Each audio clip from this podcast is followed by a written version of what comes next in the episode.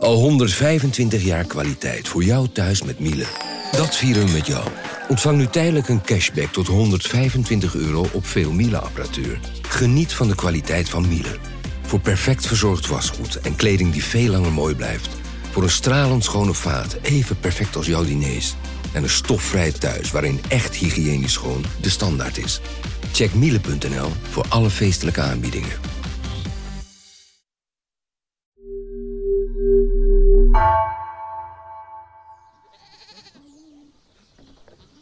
Het hertenkampje is een begrip bij de bewoners van het oude vestingstadje Vianen. Het is een omheind veld, gelegen in een woonwijk net buiten het historische centrum. Er lopen dieren los. Het is een plek waar overdag ouders met jonge kinderen naartoe gaan. In de avonduren komen er vooral opgeschoten tieners. En dat trekt dan weer ander volk aan. Drugsdealers onder andere. Het hertenkampje in Vianen is een hotspot. Zo wordt gemeld in een rapport over drugsoverlast uit 2015. Inwoners uit Vianen vertellen dat hier al sinds de jaren 90 hash en wiet wordt gedeeld. Ook al in die tijd rijden er jongetjes rond op brommers. Ook zij bezorgen hash. Ridwan Taghi is een van die jongens. Hij is in zijn tienerjaren begonnen als stukjesverkoper. Een plak hash van zeg 100 gram opsnijden in stukjes van een gram, verpakken in folie en dan verkopen. Zijn vrienden noemen hem in die tijd Kleine. Niet vanwege zijn fysiek, maar omdat hij de jongste van de groep is. Op een foto uit die tijd ziet hij eruit als een ile jongen. Riedewan was kwetsbaar, zo wil het verhaal. Hij is meer dan eens bestolen of overvallen door jongens die ouder waren of sterker. In het criminele milieu is men verbaasd dat die kleine, iets wat ile jongen is uitgegroeid tot een grote, bekende, internationaal opererende drugshandelaar. Niemand had gedacht dat die kleine stukjesverkoper uit Vianen het respect zou verdienen van alle grote Nederlandse misdaadfamilies en dat hij de hoofdverdachte zou worden in een van de grootste strafzaken ooit in de Nederlandse geschiedenis. Een strafzaak die draait om tenminste zes onderwereldmoorden, een serie pogingen daartoe en voorbereidingen daarvoor. Een strafzaak waarin Ridwan Taghi de hoofdverdachte is. In deze podcast onderzoeken mijn collega Else van Driel en ik hoe een Marokkaanse jongen uit het Utrechtse Vianen kon uitgroeien tot een cocaïnebaron. Onder welke omstandigheden lukte dat? Welke rol heeft onze samenleving daarin? En waarom wordt Ridouan Taghi gelinkt aan de moord op Dirk Wiersum? Het onderzoek doen we samen met Jan Mees, die al jaren voor NRC over de georganiseerde misdaad schrijft. Hij reconstrueert het verhaal van Taghi zelf. Van zijn roots tot aan het moment waarop hij uiteindelijk wordt gearresteerd. Elze en ik onderzoeken ondertussen waarom dat nu juist in Nederland kon gebeuren. In deze aflevering gaan we terug naar Taghi's roots in Vianen. En onderzoeken we de aantrekkingskracht van een criminele carrière op jongeren zoals hij. Wat maakt dat je besluit om zo'n stap te zetten? Ik ben Gabriella Ader en dit is aflevering 2 van Cocaïne. De familie Taghi komt in 1980 naar Nederland. Een klassiek migrantengezin. Vader, moeder, twee zoons, vier dochters. Riedewan is nog geen drie jaar oud. Ze komen te wonen in Nieuwegein. Een uit de grond gestampte nieuwbouwgemeente waar een winkelcentrum met een bioscoop het hoogtepunt van vermaak is. Je hebt dan nog een basketbalveldje en een voetbalveldje, maar dat is het. Riedewan maakte vrienden met jongens van allerlei komaf. Marokkaans, Antilliaans, Surinaams, Nederlands. Riedewan is nog geen tien jaar als hij met zijn familie verhuist naar Vianen. Wat overigens maar 20 minuten fietsen is vanuit Nieuwegein, dus heel ver weg is dat niet. Daar komt de familie Taghi terecht in galerijflats van Vijf Herenlanden, een wijk net buiten het centrum. Vianen kent een aanzienlijke groep Marokkaanse gastarbeiders. Ze werken er onder andere bij betonfabriek Bonna. Na de basisschool komt Ridwan terecht op het VWO. Net als zijn broers en zussen kan hij goed leren. Maar op school had Ridwan wel problemen. Hij is tot twee keer toe weggestuurd vanwege betrokkenheid bij vechtpartijen bijvoorbeeld. Uiteindelijk maakt hij die school niet af en kiest Ridwan op zijn zeventiende voor een andere carrière, de hashhandel. Taghi komt uit een typisch gastarbeidersgezin, waar er in de jaren 60, 70 en 80 veel van naar Nederland uit Marokko komen. Nu komen er in de top van de cocaïnemafia in Nederland opvallend veel mannen voor met een Marokkaanse achtergrond. Waar zou dat aan kunnen liggen? Oké. Ik heb hier wat ging het ook weer over? Oh ja. Ging het ook weer over. Ehm, ik heb het opgedeeld in een paar eh, hoofdstukken waar we het eigenlijk ook over gehad. Nadia Boras is socioloog en universitair docent aan de Universiteit Leiden. Ze doet al jaren onderzoek naar de Marokkaanse migratie in Nederland. Net als Taghi groeide ze op in een Marokkaans migrantengezin. Ja. Ik zit te bedenken wat misschien beter is, is als Nadia eh, op de hoek gaat zitten. En jij hier? Elze en ik bezoeken haar in haar Amsterdamse bovenwoning. Aan de muur hangt een poster van de filmklassieker Casablanca. Er liggen leren Marokkaanse poeven in haar woonkamer.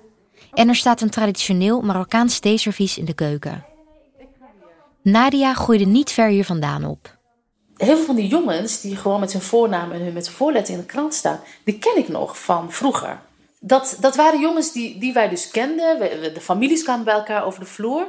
Een van die jongens, daar heb ik nog van leren fietsen. In de Vincent van Goghstraat hier in de, in de Pijp. Veel van die jongens waren van Marokkaanse afkomst, net als Nadia. De vaders van de huidige topcriminelen met een Marokkaanse achtergrond, die zijn totaal niet crimineel. Dus het is niet iets. Ze hebben niet een Marokkaanse gen voor criminaliteit of zo. Als we kijken naar de, de criminaliteitscijfers onder eerste generatie Marokkaanse voormalige gastarbeiders, dan zien we dat die lager ligt dan onder zeg maar, de, de Nederlandse bevolking van dezelfde leeftijd. Inmiddels hebben we te maken met criminaliteit van de derde generatie, soms zelfs de vierde generatie. Nou, dat zijn jongens die hier geboren zijn, die hier geworteld zijn. Dus die hebben veel meer met de Nederlandse cultuur dan met de Marokkaanse cultuur. Nadia zegt dat we eigenlijk moeten kijken naar de Marokkaans-Nederlandse cultuur. Die is ontstaan in de decennia nadat de eerste gastarbeiders in de jaren 60 naar Nederland kwamen. Kunnen we nog eventjes over dat migratie hebben? Ja, ik heb eerder de eerste generatie genoemd. Hè. Dat was een, een groep die in de jaren 60, 70 in het kader van gastarbeid naar Nederland is gekomen. Eh, vaak kwamen de mannen eerst en later kwamen de gezinnen daarbij. En dat betekent dat de man heel lang alleen was in Nederland. Eigen leven leidde. Eh, de kinderen of de gezinnen die achter waren gebleven, die misten een vaderfiguur. Toen de gezinshereniging plaatsvond, bracht dat heel veel spanningen met zich mee. De man des huizes was ineens nu ook echtgenoot, was ook vader. En hij moest gezag laten gelden in het gezin. Kinderen in dat gezin waren al wat groter, waren wat ouder. eh, die waren een vaderfiguur niet gewend. En soms leidde dat tot eh, bijvoorbeeld geweld in huis. Parallel aan die gezinshereniging waren er nog andere factoren die zorgden voor problemen in veel migrantengezinnen. Die gezinshereniging viel namelijk heel ongelukkig samen met eh, massale werkloosheid onder eh, de eerste generatie Marokkaanse arbeiders. Eh, de vaders, moeders spraken vaak de taal heel gebrekkig, konden hun kinderen niet helpen op school. Dus schooluitval was heel erg belangrijk binnen die eh, gezinnen. En ja, toen wij opgroeiden, misten wij ook rolmodellen. We hadden in onze omgeving geen kennissen of vrienden of familieleden, neven en nichten, die ook naar de universiteit gingen bijvoorbeeld. En als je dat niet heel veel ziet, dan weet je ook niet dat dat ook een pad is dat voor jou weggelegd is. Eh, ze woonden ergens in een achterbuurt, een kleine woning, relatief grote gezinnen. Dus de jongens gingen naar buiten. Hè? Dat, dat moest wel, want daar was meer ruimte. En dat heeft natuurlijk ook in zekere zin ook te maken met die mediterrane cultuur, waar het leven op straat eh, zich voornamelijk afspeelde. Dus dat was heel gewoon. En dat is wat Taghi ook doet. Hij hangt op straat met andere jongens, vaak ook kinderen uit migrantengezinnen. Ik zit met Jan in de NRC-studio. Hij neemt me mee terug naar het begin van Taghi's criminele carrière. Uit dossierstukken blijkt dat hij gelinkt was aan een jeugdbende, de Bad Boys.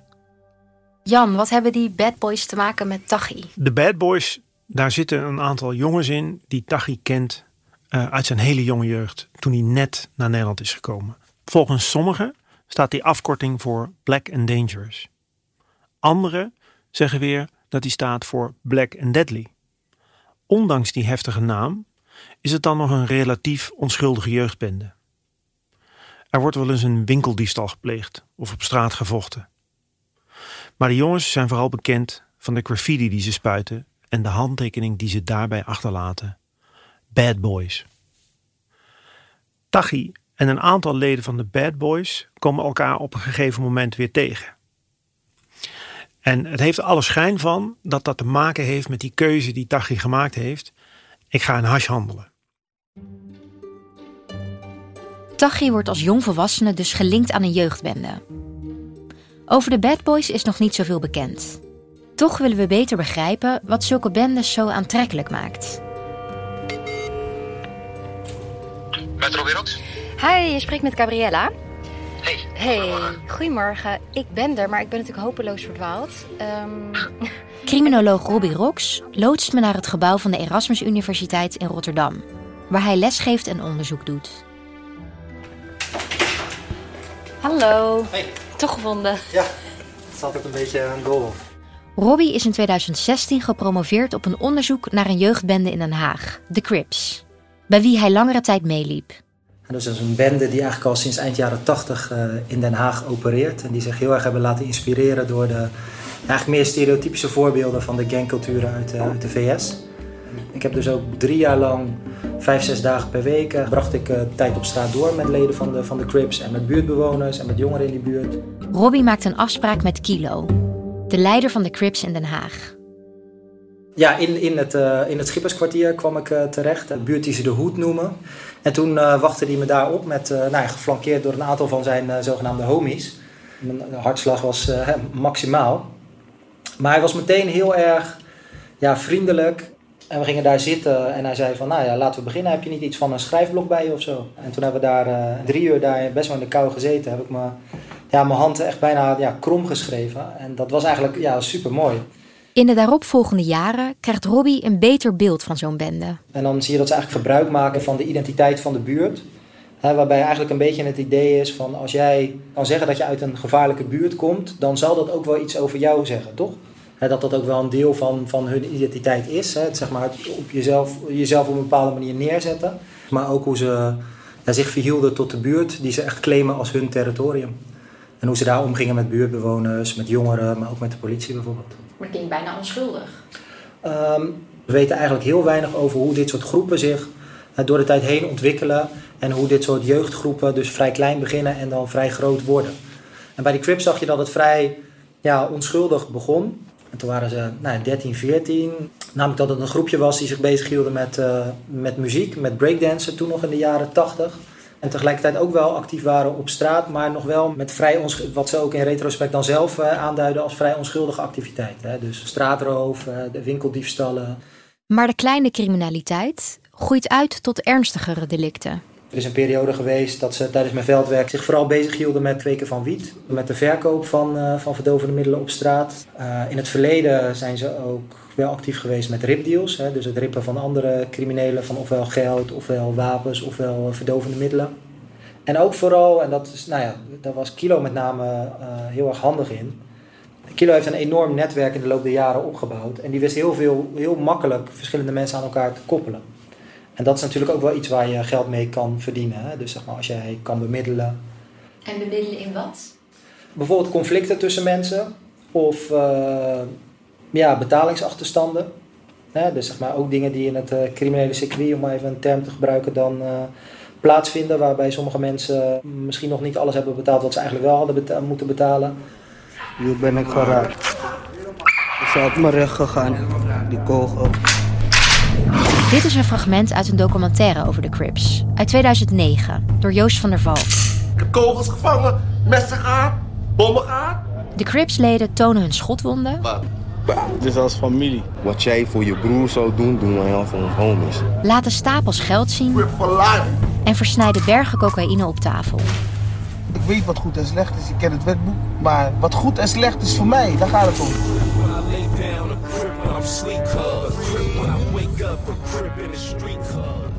Dit soort beelden maken indruk op jonge jongens, zegt Robbie. Waarom willen ze zo graag bij zo'n bende horen? Het is wel een manier natuurlijk om, om geld te verdienen. Maar het heeft ook in veel gevallen te maken met dat ze, dat ze ergens bij willen horen. Hè? Dat ze onderdeel willen zijn van een groep.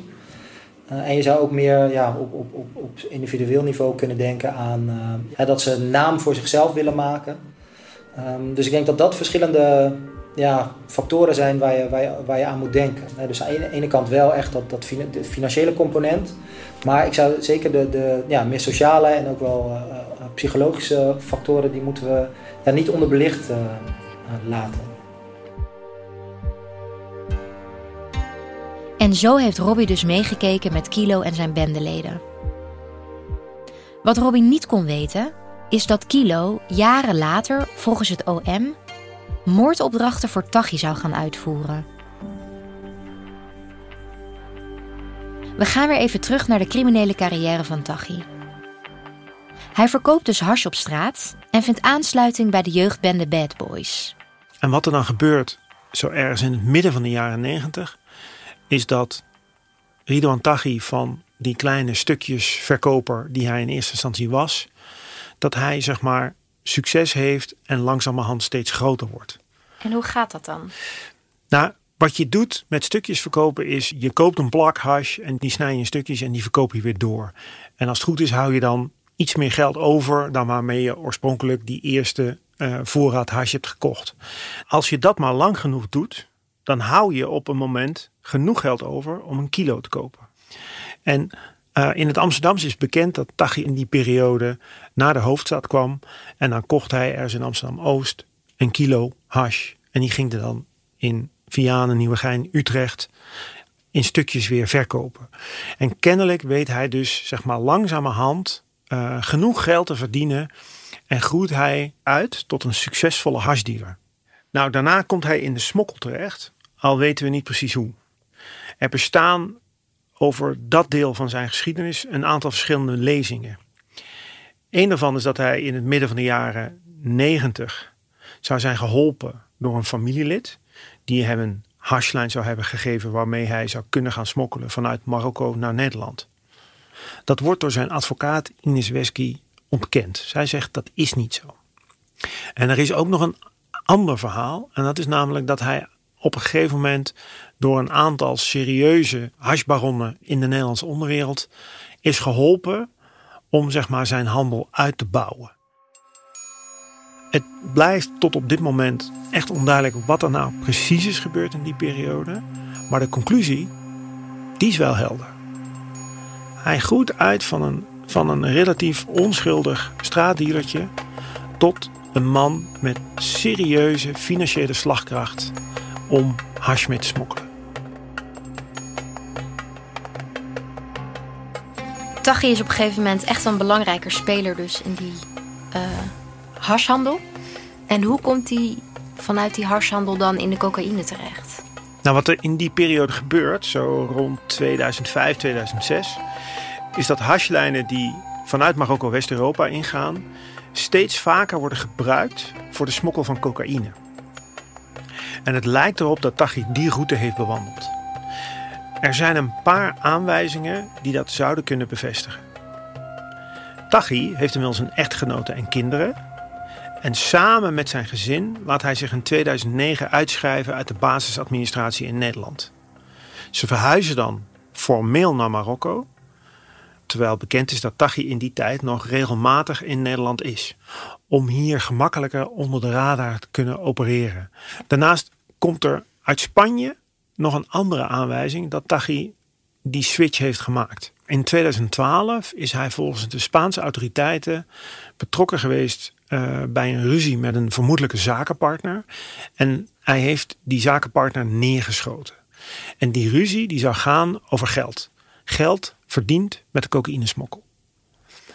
Tegelijkertijd zeggen de Spaanse autoriteiten: wij kennen Ridwan Taghi als een grote, hele serieuze drugshandelaar. Waaruit je kunt afleiden in 2012 zit Ridwan Taghi niet alleen maar in de hash, maar ook in de cocaïne. Op het moment dat Taghi door de Spaanse autoriteiten wordt gekenschetst als een grote drugshandelaar, begint ook in Nederland zijn naam steeds vaker rond te zingen onder criminelen. Hij zou betrokken zijn bij grote cocaïnetransporten en hij zou er niet voor terugdeinzen om geweld te gebruiken.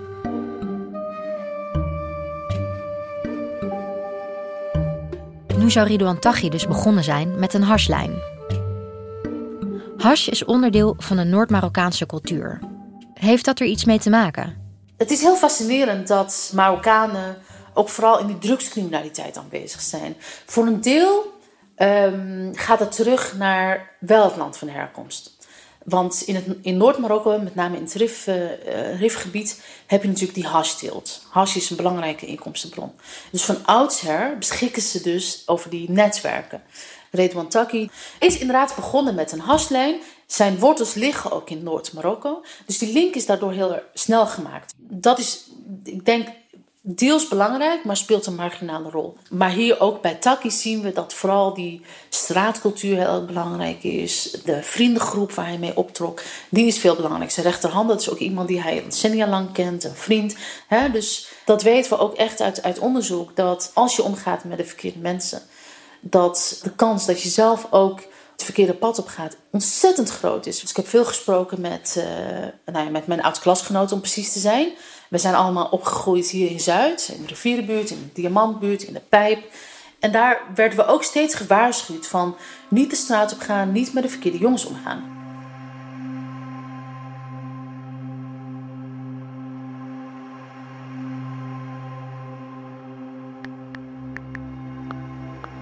Wat een dodelijke fout. Echt dodelijk gewoon. Dat schrijft Taghi aan een van zijn handlangers op 15 juli 2015. De aanleiding van dat bericht is de arrestatie van een aantal oude vrienden van de Bad Boys, met wie Taghi nu samenwerkt.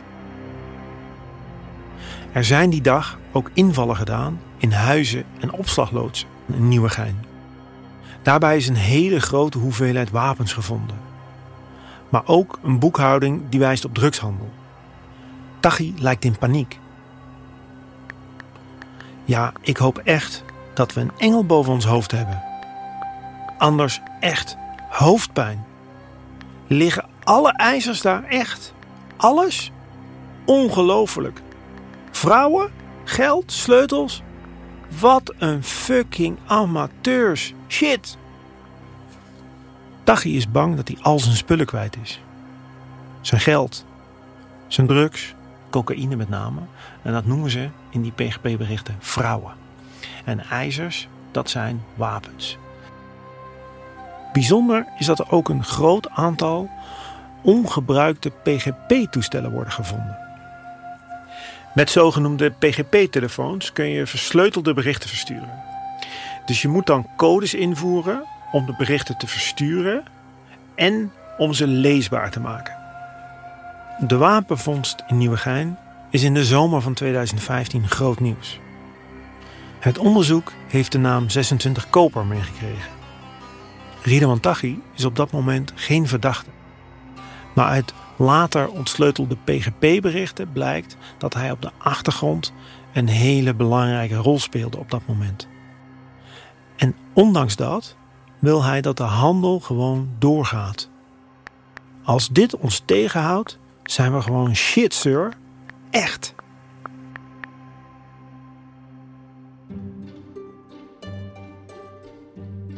Iemand die zelf als tiener in de drugscriminaliteit belandde, is de Amsterdamse Nino Hensen. Een begin dertiger, die opvallend netjes gekleed is met een pantalon en overhemd aan. In zijn mond blinkt een gouden tand. En onder zijn gemillimeterde haar prijkt een gigantische tatoeage over de zijkant van zijn hoofd. Zo, wat heb je trouwens voor tatoeage hier? Spin. Ja. Oh, spin. Heeft het betekenis? Ja, niet fokken met me. Niet fokken met me. ik was twintig toen de tijd. Nou ja, het scheelt even een hele hoop problemen afgewend, eh, denk ik. Uh, dat heeft een afschrikwekkende werking. En op een gegeven moment, op jonge leeftijd al, had je eigenlijk ook een reputatie van... Ja, Nino zei de lieve jongen, maar uh, kijk uit hoor, want... Uh... ja, hij komt gewoon naar je toe, man. Hij groeide op in een gezin waar weinig geld was en veel huiselijk geweld. Ik zat op mijn twintigste in de top 50 criminelen van Zuidoost. Nino gaat tijdens zijn puberteit het verkeerde pad op, waardoor hij uiteindelijk in de jeugdgevangenis belandt. Ja, hoe begon het? Um, ik denk op mijn vijftiende, een beetje wiet verkopen op school. Hoe kwam je in die wiet dan? Ja, dat had ik, uh, er was een neef van mij en die had een grote zak wiet ergens liggen en ik kwam bij hem. En toen pikte ik een beetje wiet uit die zak. op een gegeven moment kwam hij erachter, dus toen hield het op. Maar goed, een andere vriend die kwam al uh, snel langs met wat ecstasy-pillen. En ik was 15 toen de tijd. En hij zei, nou ja, kijk maar wat je ermee kan. Dus ik ging kijken wat ik ermee kon. En ik ging proberen die ecstasy te verkopen. Nou, dat lukte ook. En waar verkoop je dat dan? Je gaat je netwerken aanboren. Weet jij wat ik hiermee kan? Weet jij, je blijft gewoon net zo lang doorvragen. Als een echte ondernemer, weet je Dan blijf je gewoon net zo lang jagen totdat je uh, een ja hebt. Nino's handeltje loopt goed. Ik had ook een heel, zeg maar, heel succesvol businessmodel. Heel simpel. Het was bij mij beter en goedkoper. En behalve geld haalt hij er nog iets belangrijkers uit. Eigenwaarde. Je wordt razend populair. Joh. Je bent binnen een week ben je de man. Mijn business was eigenlijk gewoon zoeken naar, naar, naar wat zelfwaardering. Ik heb vier basisscholen gehad. Ik heb vier middelbare scholen gehad. Ik zat op mijn 16 in de jeugdgevangenis. Op mijn 17 zat ik weer in de jeugdgevangenis, weet je. Ik heb elk bureau gezien in uh, heel de Randstad. En als je dat dan, uh, dat, dat falen, uitgekotst worden, links en rechts. Als je dat, aan de andere kant heb je dus uh, een glimlach. Iedereen was blij mij te zien, man. Kun je je dat voorstellen? als mijn telefoon ging, was ik blij. En als ik een ander belde, waren hun blij. Iedereen was blij met mij. Als je in armoede opgroeit, dan heb je weinig geld, geen geld. Wat dus weer leidt tot minder zelfontplooiing, een lagere zelfwaardering. Wil je het iets concreter maken? Uh, Oké, uh, we hebben met z'n allen een kutleven. Daar willen we uit. En als je 16 jaar bent en je ziet twee mannen en één rijdt een Ferrari en de ander rijdt een Fiat. En dan vraag je, wat is het verschil tussen deze twee mannen? De een heeft meer geld. Er zullen heel veel verschillen zijn. Maar het simpelste wat je kan zien is de een heeft meer geld. Oké, wie is er gelukkiger? Die guy in die Ferrari. Oké, hoe ga je dat doen? Dan moet je geld verdienen. Nou, Ferrari is duur. Um, ik vond het niet cool om vakken te vullen, zeg maar. Ik was een stoere jongen. Stoere jongens gaan niet vakken vullen. Uh, dus dan heb je een alternatief. En dan kun je drugs gaan verkopen. Dat was gewoon the way to go in de Bijlmer. En dat is een heel prettig gevoel. Je doet stoute dingen. Nou ja, dat kan je allemaal weer weg, wegrelativeren, toch? Dan was ik wel stout, maar de wereld kortste me uit. Dan verkocht ik wel drugs, maar ze wouden het zelf. Uh, dan ging ik niet naar school, maar ik deed wel aan dit en dat. Dus uh, ik voelde me ook geen moment schuldig erbij. Het is niet een volwassen man van 43 die denkt, nou weet je wat ik ga doen? Ik ga de drugshandel in. Ik stop met mijn timmerbedrijf en ik ga de drugshandel in. Nee, het is een jong jochie van 15 of jonger die wat wil maken van zijn leven. En die gewoon uh, de pech heeft dat er een vriend van hem langskomt en die zegt: Hier heb je zak pillen, kijk maar wat je ermee kan. Hij vindt dat er wat overdreven gereageerd wordt door de politie en justitie op die jonge criminelen. Tuurlijk is er georganiseerde misdaad en hier in Rotterdam komen er duizenden kilo's cocaïne binnen. Maar dat is niet het verhaal van kinderen van 16 en uh, 20. Toch is die jeugdcriminaliteit wel een opmaat naar het grotere werk. Tachi is immers ook klein begonnen. Het onderzoek 26 Koper, waarbij die enorme wapenvondst in Nieuwegein is gedaan, krijgt enkele maanden later een dramatische wending. Dit onderzoek is gewoon begonnen met een groep autodieven uit Rotterdam. En zij verkopen in maart 2015 gestolen auto's aan dan nog onbekende mannen. En het gaat om auto's die heel vaak worden gebruikt als vluchtauto bij liquidaties, bij plofkraken of bij ramkraken. En omdat de politie heel graag wil weten wie de koper van die auto is, plakken ze een baken eronder. En een baken, dat is een apparaatje waarmee je op afstand zo'n auto kunt volgen. Dankzij dat baken onder die auto komen ze bij een parkeerbox in Maurik terecht. En die box wordt gebruikt door een groep handlangers van Ridwan Taghi. Zij lijken op dat moment bezig met het voorbereiden van liquidaties. En dat gaat onder andere over Ibrahim B., alias de slager. De man die voor het eerst de naam van Taghi noemde als een nieuwe baas in de onderwereld. Bij de arrestatie van die mannen wordt een waar arsenaal aan wapens gevonden.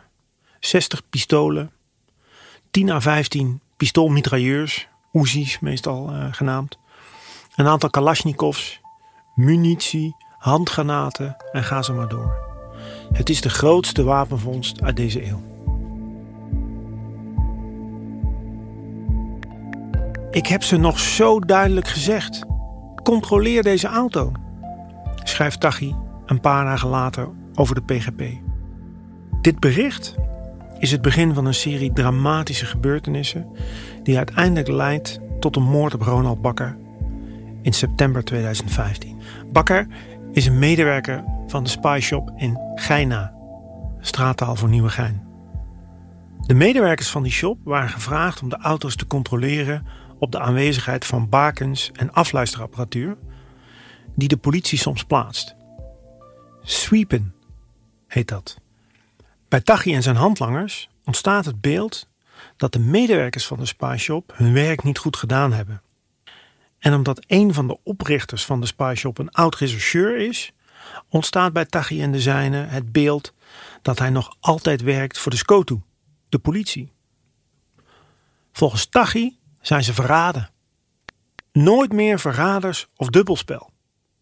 Dat schrijft Taghi in een PGP-bericht. Hij overweegt op dat moment zelfs om het pand van de spyshop te laten beschieten met een bazooka. Fucken hun echt, kankerhonden. Hoop morgen die spyverrader weg. Dat schrijft Ridwan Taghi twee dagen voor de moord op Ronald Bakker. Op 9 september is het zover. Om tien voor half zeven wordt hij doodgeschoten voor zijn woning in Huizen. Nog geen uur daarna stuurt Taghi dit bericht. Kijk nieuws straks. Kankerspaasje op honden. Hebben dubbelspel gespeeld met ons. Sweepen en zenderplaatsen voor de pettenseur. Maar boodschap is aangekomen. Waarom is die moord op Ronald Bakker zo'n belangrijke in die reeks gebeurtenissen? Bedenk dat Ibrahim B., alias de slager, de man die voor het eerst tegenover de politie de naam van Taghi noemde, toen ook vertelde: Ridwan Taghi deinst nergens voor terug. Dus de moord op Ronald Bakker is als het ware een echo van die woorden. Wat alle betrokkenen op dat moment nog niet kunnen weten, is dat het niet bij de moord op Ronald Bakker zal blijven. Ibrahim B. had volgens het OM dus gelijk. Taghi deinst er niet voor terug om iemand te doden. Ronald Bakker is niet de laatste die wordt neergeschoten omdat hij mee heeft gewerkt aan een politieonderzoek. Justitie denkt dat er na hem nog een rits anderen geliquideerd zijn vanwege praten over Taghi. Wie precies? En waarom? Dat hoor je in aflevering 3 van Cocaïnekoorts. Kun je niet wachten? Download dan nu de NRC Audio app via nrc.nl/slash audio of ga naar de App Store en luister daar meteen verder. Je luisterde naar Cocaïnekoorts, een podcast van NRC. Gemaakt door Jan Meijers, Else van Driel en mijzelf, Gabrielle Ader. Muziek die je hoort werd gecomponeerd door Ari Visser. Het eindnummer is van Gilad Benamram. De mixage werd verzorgd door Arno Peters. De inhoud van deze podcast is gebaseerd op een serie gesprekken met betrokkenen die waar mogelijk met naam en toenaam worden genoemd. Los daarvan doet NRC al sinds de start verslag van de strafzaak Marengo. Het materiaal dat daarbij is vergaard ligt een grondslag aan de vertelling over Taghi en zijn medeverdachten. Zij zijn volgens justitie betrokken bij tenminste zes onderwereldmoorden, een serie pogingen daartoe en voorbereidingen daarvan. De PGP-berichten waaruit wordt geciteerd komen uit delen van het Marengo-dossier waar NRC inzage in heeft gehad.